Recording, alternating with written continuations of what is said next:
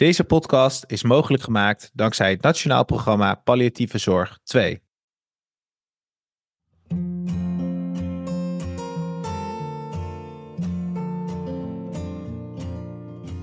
Beste luisteraars, welkom bij de wekelijkse aflevering van de Carret Podcast.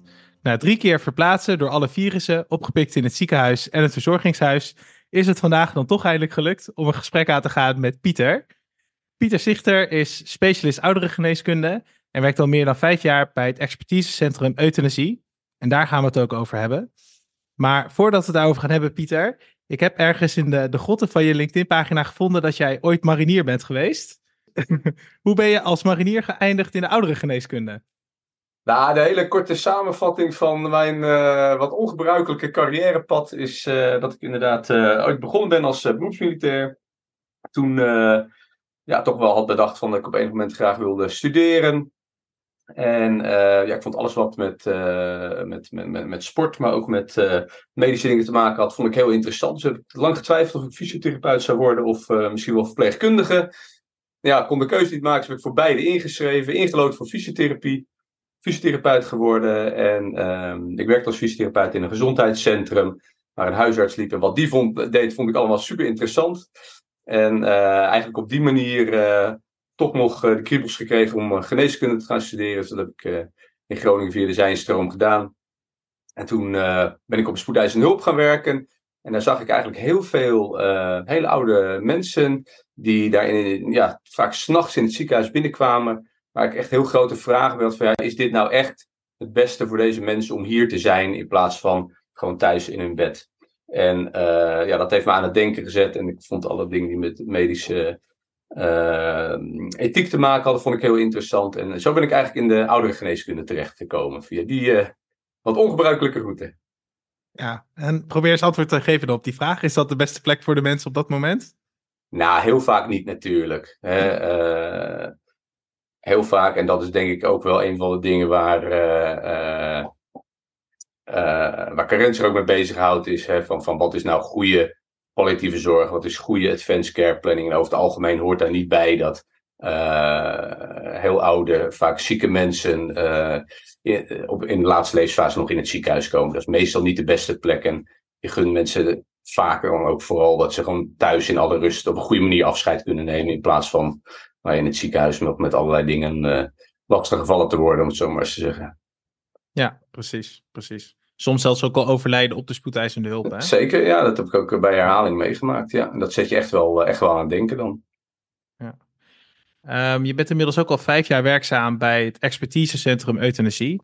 Zoals dat vroeger ook al werd genoemd, de levenseindekliniek. Um, kan je ons eens meenemen, hoe ziet zo'n werkdag eruit als je voor hen werkt?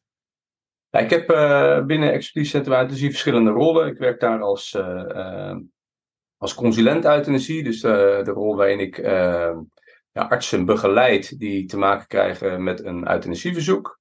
Um, Zo'n werkdag bestaat dan voor, voornamelijk uit contact met die artsen. Dat kan telefonisch zijn, dat kan ook face-to-face zijn.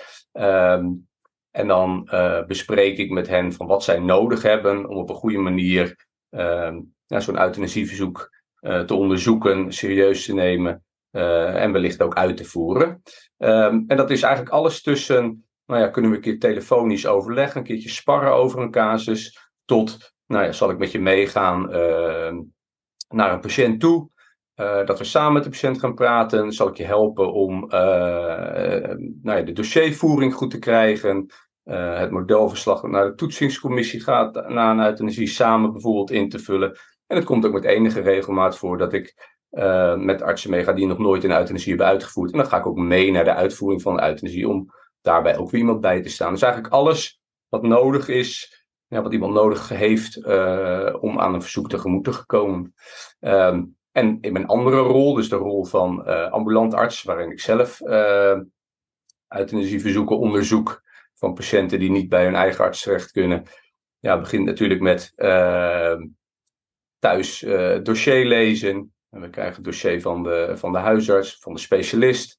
Uh, dan ga ik samen met de verpleegkundige naar de patiënt toe. Hebben we gesprekken. Dan maken we weer gespreksverslagen van natuurlijk. Ik overleg met de eigen arts, soms met specialisten.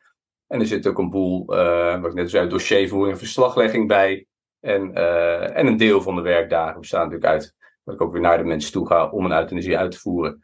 En in het verlengde daarvan ook een stukje nazorg. Dus dan bel ik nog eens een keer van nou, hoe is het nu met de nabestaanden? Hoe is de uitvaart geweest? En dat soort dingen. Dus het zijn best wel heel gevarieerde uh, werkdagen, uh, ambulant. Uh, maar ik ben dus ook heel veel thuis, thuis aan het werk, om het zo maar te zeggen.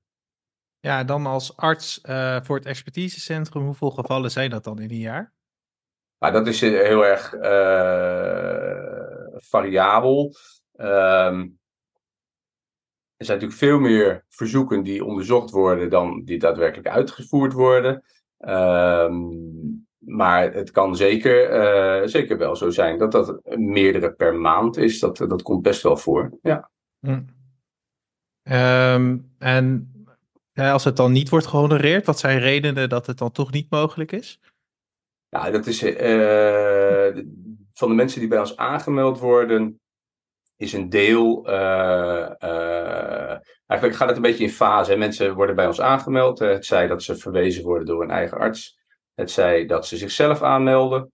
Ehm, en dan wordt er eigenlijk eerst gewoon een soort van vooronderzoek gedaan. Er wordt gekeken van nou, wat is precies de aanmelding. En dan wordt er gevraagd om informatie. Er wordt informatie ook gevraagd bij de huisarts. En er wordt gekeken van nou, is het iets wat potentieel kan binnen de mogelijkheden van de wet. En pas in de tweede fase gaat dan ja, een team van ons met iemand het gesprek aan. Ehm, en er kunnen allerlei redenen zijn waarom uh, uiteindelijk een verzoek niet uh, gehonoreerd kan worden. Dus soms omdat het gewoon niet kan binnen de mogelijkheden van de wet, of nog niet kan binnen de mogelijkheden van de wet. Maar dat kan ook zijn dat mensen toch erop terugkomen.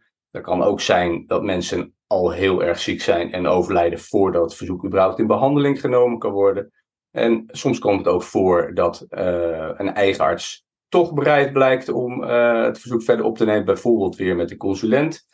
Dat die mogelijkheid gewoon nog niet bedacht was. Er zijn allerlei, allerlei redenen eigenlijk voor uh, waarom uiteindelijk een verzoek niet gehonoreerd wordt. Ja, precies. Ja.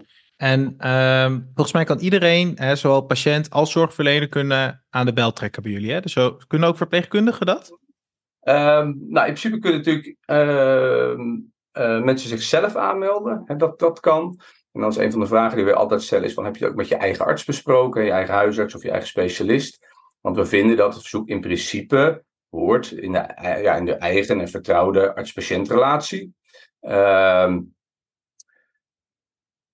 als iemand nog niet met zijn eigen arts over gepraat, dan zullen we ook zeggen, ja, doe dat dan eerst als dan blijkt nou, dat iemand niet aan het verzoek tegemoet kan komen, om welke reden dan ook, nou, dan kan iemand zich dus alsnog bij ons aanmelden. Um, en artsen kunnen ook naar ons verwijzen. dat komt ook voor, bijvoorbeeld omdat iemand niet in staat is om zelf zich aan te melden. Um, het is wel zo dat, ja, omdat de wet uh, zegt dat euthanasie alleen uh, verleend kan worden door artsen, ja, zijn het ook artsen die uh, naar ons verwijzen en niet verpleegkundigen bijvoorbeeld.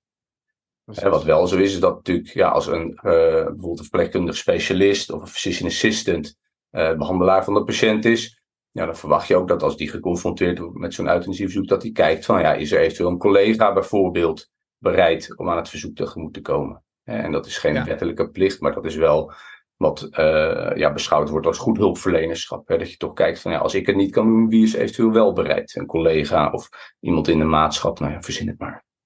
Mm Ehm, je noemde al een beetje hè, van uh, als, uh, dat je ook soms zelf naar patiënten toe gaat.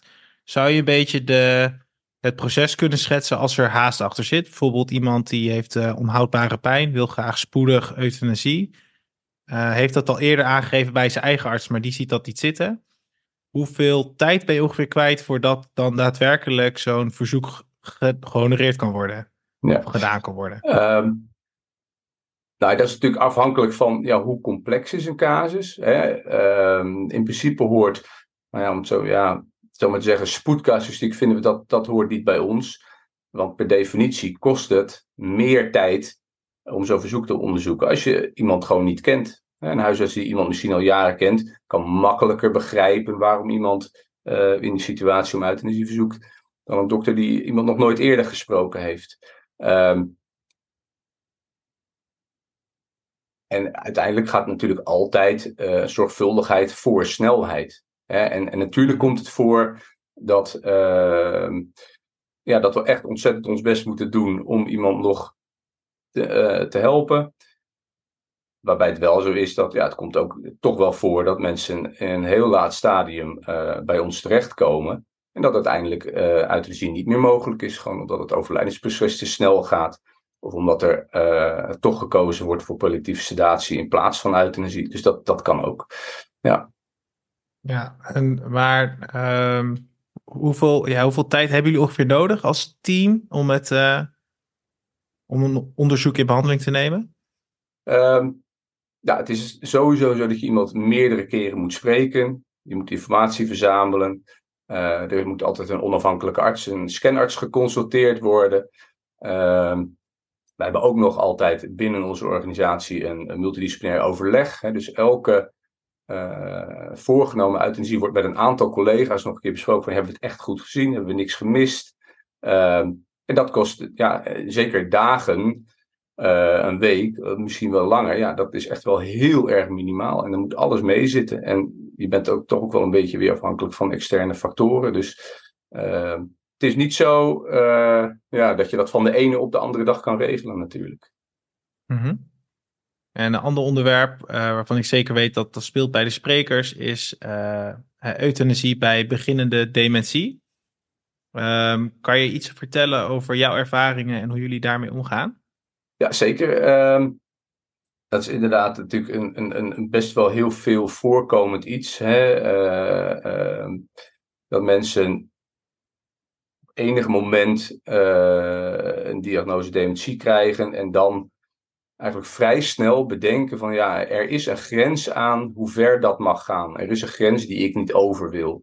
Um, en daar hebben mensen best wel verschillende ideeën over.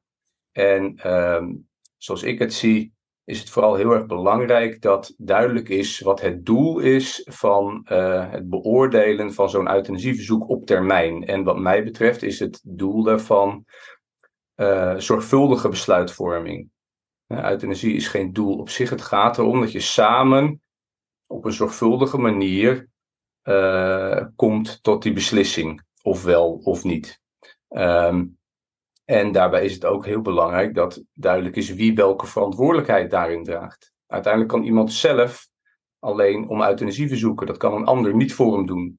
Uh, terwijl dat wel vaak zo gevoeld wordt hè, door dokters die ik spreek. Die van ja, ik moet ervoor zorgen dat we straks niet te laat zijn. Maar ook heel vaak door naasten die uh, het gevoel hebben van dat, dat zij daar verantwoordelijk voor zijn. En dat is heel belangrijk dat je uitlegt ja, iemand kan alleen zelf op enig moment dat verzoek doen.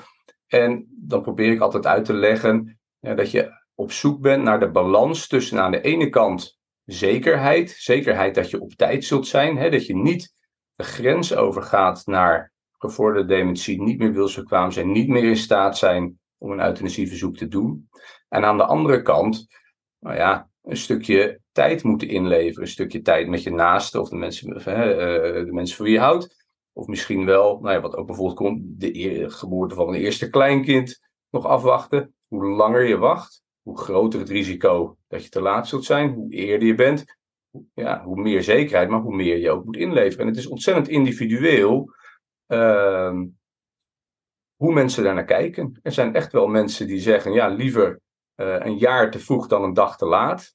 En er zijn ook mensen die zeggen, nou, nu gaat het eigenlijk best heel aardig. Ik ben best bereid om wat meer af te wachten. En je probeert natuurlijk ook te bekijken aan de hand van wie iemand is. Iemand die jong dementerend is en lichamelijk erg gezond, is de kans dat het ineens heel snel achteruit gaat relatief klein.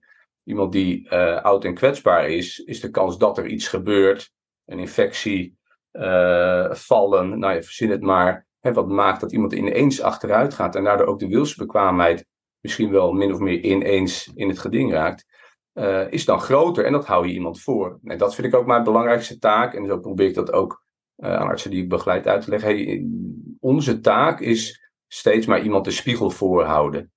Hè? Vragen van waar ben je nu? En ik probeer dat altijd te doen aan de hand van de busmetafoor. Uh, stel je voor, je zit in de bus.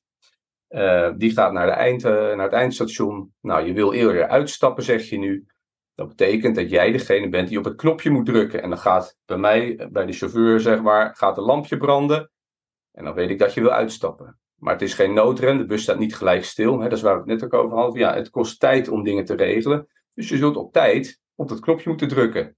Ehm, en zoals dat dan gaat, hè, dat leg je allemaal uit. En dan probeer je eigenlijk gewoon één keer in zoveel tijd even langs te komen. Dat kan één keer in de zes weken of één keer in de drie maanden zijn. Beetje afhankelijk van de situatie. En elke keer probeer je iemand de spiegel voor te houden. Dit was wat je de vorige keer zei. Hoe denk je daar nu over? Maar misschien ook wel. Ehm, ik zie dat je nu toch wat gemakkelijker erover doet. Dat je wat gelatener wordt. Dat je wat minder uh, initiatiefrijk bent. Als ik dat vertel, maak je dat dan bang? Maak je dat bang om uh, te laat te zullen zijn? Dus zo probeer je eigenlijk uh, te helpen om die besluitvorming zorgvuldig te laten verlopen.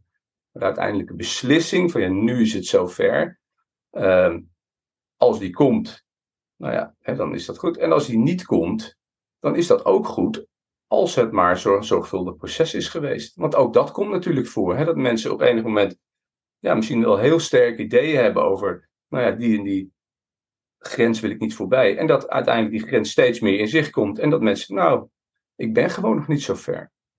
En, en, en, en, en, dan, uh, uh, dan is het ook goed. Als maar duidelijk is nou ja, waar, waarom je uh, iemand zo bij de hand houdt. Want je wil er alles aan doen om te voorkomen um, dat iemand steeds heeft gezegd, nou ja, op termijn, dan is dit wat ik wil. Uh, en dat, nou ja, uh, en dat je misschien wel anderhalf jaar later ineens denkt van, oh jee, en nu is het te laat.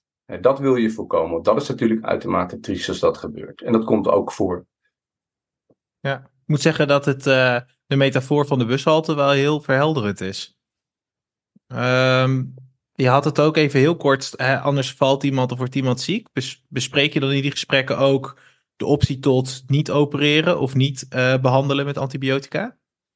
Ja, ik vind dat dat er wel bij hoort. Het is natuurlijk een, een, een spectrum uh, van, uh, nou ja, tussen aanhalingstekens alles doen, hè, heel actief, tot, nou ja, hè, uh, daadwerkelijk bespoedigen van het levenseinde. Maar daartussen zit zeker ook natuurlijk ehm, wat als een natuurlijk overlijden zich aandient? Mag dat dan? Is dat dan een uitweg? Uh, is dat misschien wel welkom?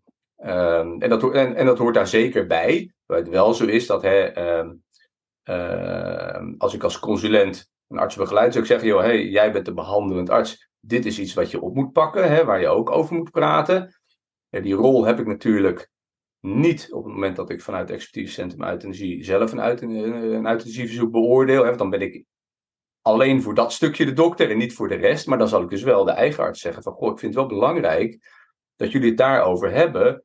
Want wat natuurlijk niet moet gebeuren is dat iemand druk bezig is met, nou ja, ik wil euthanasie of ik wil misschien op termijn euthanasie. En dat er, nou ja, iemand erg ziek wordt en dat, en dat er dan behandelingen worden ingezet waarvan achteraf gezegd wordt, oeh, maar dat was eigenlijk niet de bedoeling. En dat moet natuurlijk zien te voorkomen. Dus dat is zeker, hè, uh, in het kader van de advanced care planning is dat absoluut heel belangrijk om het daar ook daarover te hebben. Ja.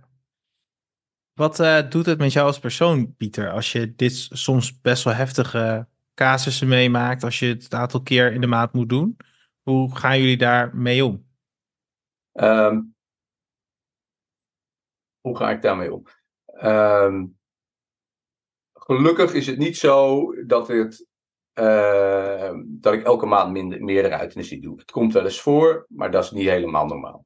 Maar als dat zo is, ja, dan heeft dat best wel impact. En dat hangt er heel erg van af wat de situatie is. Um, alle euthanasieën hebben iets in zich van wat mooi dat het mag in Nederland. En aan de andere kant wat erg dat het nodig was. En de ene keer dan gaat het veel meer naar wat erg dat dit nodig was. Iemand die misschien wel relatief jong is of die nog jong kinderen heeft. Ehm, is anders dan iemand met een veel hogere leeftijd die vooral zegt, nou wat fijn dat het op deze manier kan. Um, en het zijn vaak toch bepaalde specifieke dingen die je extra raken. Hè? Iemand die uh, kinderen heeft die dezelfde leeftijd hebben ongeveer als mijn kinderen. Als je dan heel verdrietig in zit, dat raakt mij op een andere manier dan uh, nou, iemand die veel ouder is en uh, vooral alleen maar zegt van nou, wat, wat goed dat dit zo, zo kan in Nederland. Dus uh, soms weet je dat ook niet van tevoren, hè, wat, wat het precies is wat je eh, in iets raakt. Ehm, maar ja, het is, soms is het, is, het, is, het, is het best moeilijk. En aan de andere kant ja, ga je natuurlijk pas uit energie verlenen op het moment dat je echt overtuigd bent van dat je daarmee het goede doet. Hè, dat je iemand daarmee echt helpt. En dat het het beste is. Of in elk geval het minst slechte. Hè, want je wil natuurlijk mm. het liefst dat het niet nodig is. Maar als het nodig is, dan is het goed dat het kan. En dan doe je dat op het moment dat je ervan overtuigd bent dat je daarmee dus iets goeds doet. Dus uh, het is zeker niet zo dat ik uh, uh, dagelijks met een, uh, een zwaar hart aan de slag ga. Gelukkig niet, want dan zou ik het ook niet kunnen. En dan zou je het ook niet vol kunnen houden. En ik denk dat voor de meeste dokters geldt dat je heel veel te maken hebt met verdrietige situaties en moeilijke situaties, slecht nieuwsgesprekken, etc. En, en dat is draaglijk omdat je, omdat je daarmee toch iets goeds doet. Ondanks dat de materie zwaar is soms. Ja. Ja, is er ook een stukje nazorg voor jullie? de artsen van het expertisecentrum? Ja, zeker. Wij uh, hebben sowieso dat we altijd met z'n tweeën werken. dus je bent altijd uh, samen met een collega. We werken altijd in een team van een dokter en een verpleegkundige. Dus ik werk met een, meerdere verpleegkundigen samen in verschillende samenstellingen. En de verpleegkundigen werken met meerdere dokters samen in verschillende samenstellingen. Um, dus je bent altijd met z'n tweeën. Je hebt altijd iemand waarmee je uh, regelmatig samenwerkt, die je goed kent. waarmee je samen, nou ja, kan praten en artsen uitstort dat het nodig is. Um, en daarnaast hebben we uh, ook intervisie, studiedagen. dus eigenlijk hebben we, en we hebben uh, ook als, als, als, als dokters onderling hebben we regelmatig contact. Dus je kan zeker, er is zeker inderdaad nou ja, aandacht voor nou ja, soms het moeilijke van het werk. Ja, ja, ja. mooi om te horen.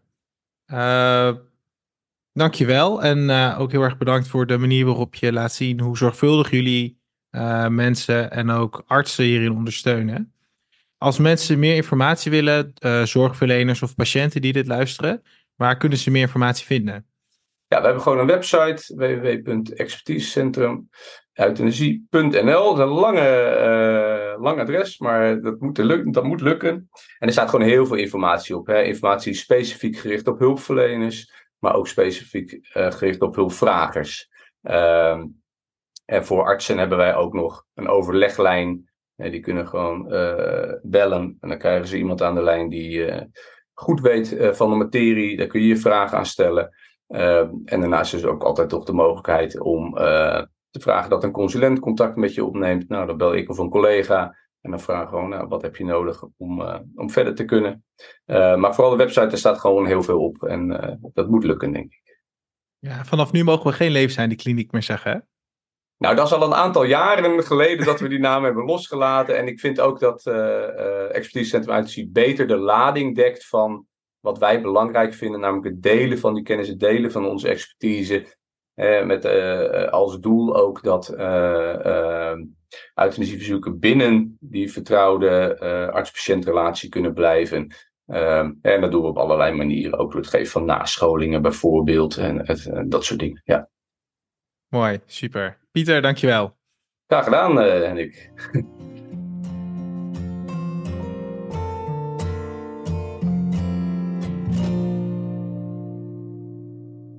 Bedankt voor het luisteren. Binnenkort volgt ons volgend congres Leven toevoegen aan de dagen op 14 maart in Utrecht. Sprekers zijn onder andere Jet Bussemaker, Michelle van Tongerlo en Gabe Sonke. Schrijf je in via www.carent.nl of bekijk de show notes.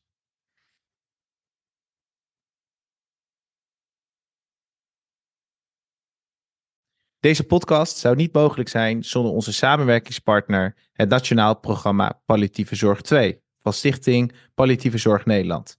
Zij maken kennis en ervaringen beschikbaar via de websites overpalliatievezorg.nl voor patiënten en palliaweb.nl voor zorgverleners. Tot volgende week.